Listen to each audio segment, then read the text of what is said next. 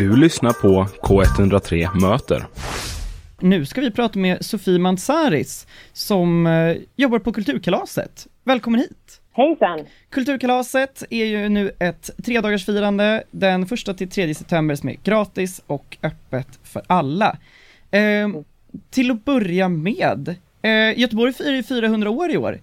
Är det här Mm. något som uppmärksammas på något speciellt sätt i samband med Kulturkalaset?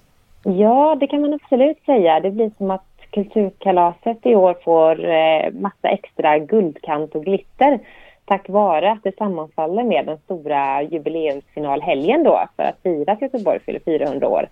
Just just Ehm, det. Så, så förutom själva Kulturkalaset som ju har jättemånga intressanta punkter eh, så kommer det även finnas andra eh, aktiviteter som sammanfaller under helgen som också är jättehäftiga och som man Mm. inte får missa. Så det är verkligen extra allt i helgen, den Ja, för helgen. jag tänker lite, alltså jag själv är så här, jag är en stor musiknörd, ofta när jag deltar i Kulturkalaset så är det ofta för liksom musikevenemang, jag vill se artister, Mm. men jag fattar ju att, alltså utbudet är ju mycket större än så.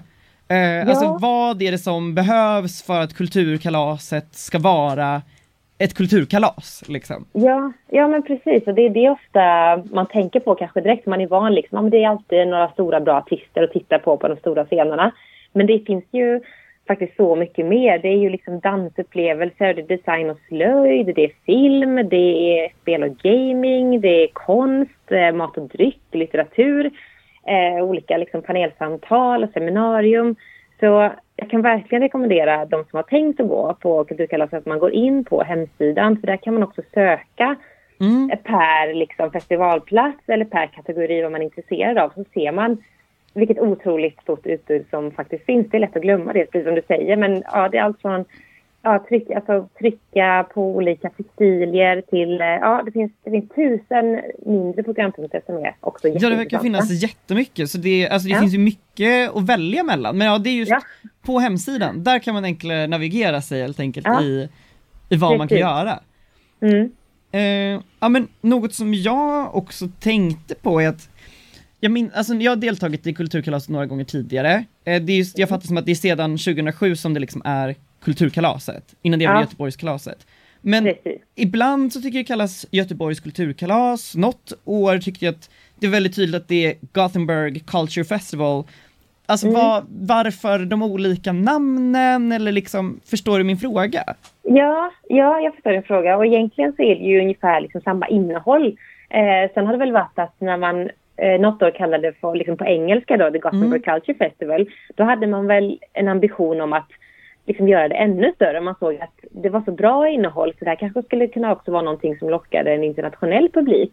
Ehm, och även att man skulle göra inkluderande då med inte bara svenska språket utan liksom bredda sådär kanske. Men Just. sen eh, var det också liksom kom pandemin och så har det liksom varit av olika anledningar till att man tänker att nej men det viktigaste ändå är att liksom göteborgarna eh, får uppleva en jättehäftig festival. Så då har man väl gått tillbaks mer nu till att ja, men vi kallar det helt enkelt Göteborgs kulturkalas Mm. eh, just nu och så. Okej. Så, så är det. Mm. Ja, men, och, alltså, om man är en eh, göteborgare eh, som har ett förslag eller om man är en kulturutövare som vill eh, ha en programpunkt på Kulturkalaset, hur, hur brukar man göra då? Hur, hur ser Ja. processen ut? Ja, men det finns det. Det brukar vara liksom, eh, dels gör vi kanske vissa liksom, specifika open calls där Mm. vi verkligen bjuder in och sen så går det alltid under hela året att kontakta eh, Göteborgs kulturkalas eh, om man har en, någonting man vill vara med och visa upp. Det finns en speciell liksom, infomail kring det. Eh, och så liksom, tar de producenterna hand om förslaget och ser om det passar in och, och hur, det kan, hur man kan vara med. Okej. Eh, så det är liksom hela tanken. Eh, att det ska vara liksom medskapande och ja, att det ska vara eh, liksom öppet för alla, både delta men även skicka in idéer då. Men finns det någon som liksom, vad ska man säga, headhuntar lite också? Att hålla utkik, oj, vad, vilka vill vi ha hit också? Ja, det finns ju de producenterna som jobbar med att fylla hela programmet med programpunkter.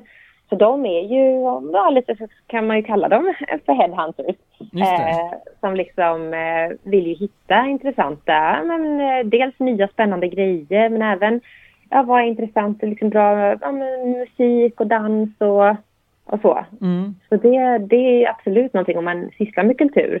Eh, så det är absolut eh, ett bra forum. att vara med i. Just det. Ja, för något som jag också funderar på, eller som vi diskuterade lite här tillsammans innan i studion är, ja men just eftersom att eh, man trycker på mycket på det här med tillgänglighet och det är öppet för alla och det är gratis. Men eh, alltså det är ju inte heller en helt enkel uppgift att fullfölja. Alltså hur, hur gör ni för att liksom tillgängliggöra eh, Göteborgs kulturkalas på bästa sätt för, eh, för göteborgarna helt enkelt? Ja, dels är det att man liksom tänker till kring att det är olika typer av programpunkter så att det finns något som alla gillar, eller de flesta gillar, så att det inte bara blir en viss typ av genre då av musik eller dans utan att man gör det brett. Och sen så försöker vi nu sista åren sprida ut festivalplatserna i stan så att det inte bara är till exempel längs Avenyn och Götaplatsen utan att det är eh, i olika delar av stan eh, är viktigt. Och vi har ju festivalpunkter och det som ingår i festivalen i, i olika stadsdelar som på Ringön och Gamlestan och Bergsjön och så vidare. Eh, och sen så jobbar vi också med till exempel syntolkning. Att mm. eh, försöka få in det mer i, i många programpunkter. Eh, så det finns, eh, och att det ska vara tillgängligt med liksom rullstolsrampar och sådär. Så det, det är tillgänglighet på många olika sätt kan man säga. Ja, ja det låter ju jätte, jättebra. Men mm. och finns det i många programpunkter det, den biten med syntolk, teckenspråkstolk? Det kanske är svårt att få till det i, i allt, i hela innehållet? Ja, jag, jag har faktiskt inte koll så här på rakan hur många programpunkter som har det, för det är inte alla. Mm. Eh, men det är, det är mycket, eh, det är många olika. Eh, och sen det kan man också gå in och hitta på, det står utskrivet på vår hemsida, eh, Kulturkrafts hemsida, eh, vilka som har det, vilka som har det inte. Det. Och det ingår ju också i det här liksom ja, men hållbarhetsarbetet vi gör med festivalen, att det både ska vara jämställt och klimatsmart och tillgängligt.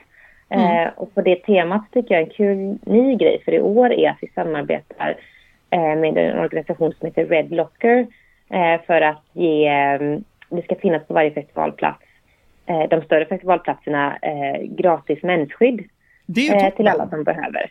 Det är, det är en ny grej för i år, det tycker jag är väldigt kul. Det kanske man kan läsa ännu mer om på hemsidan också, eller hur?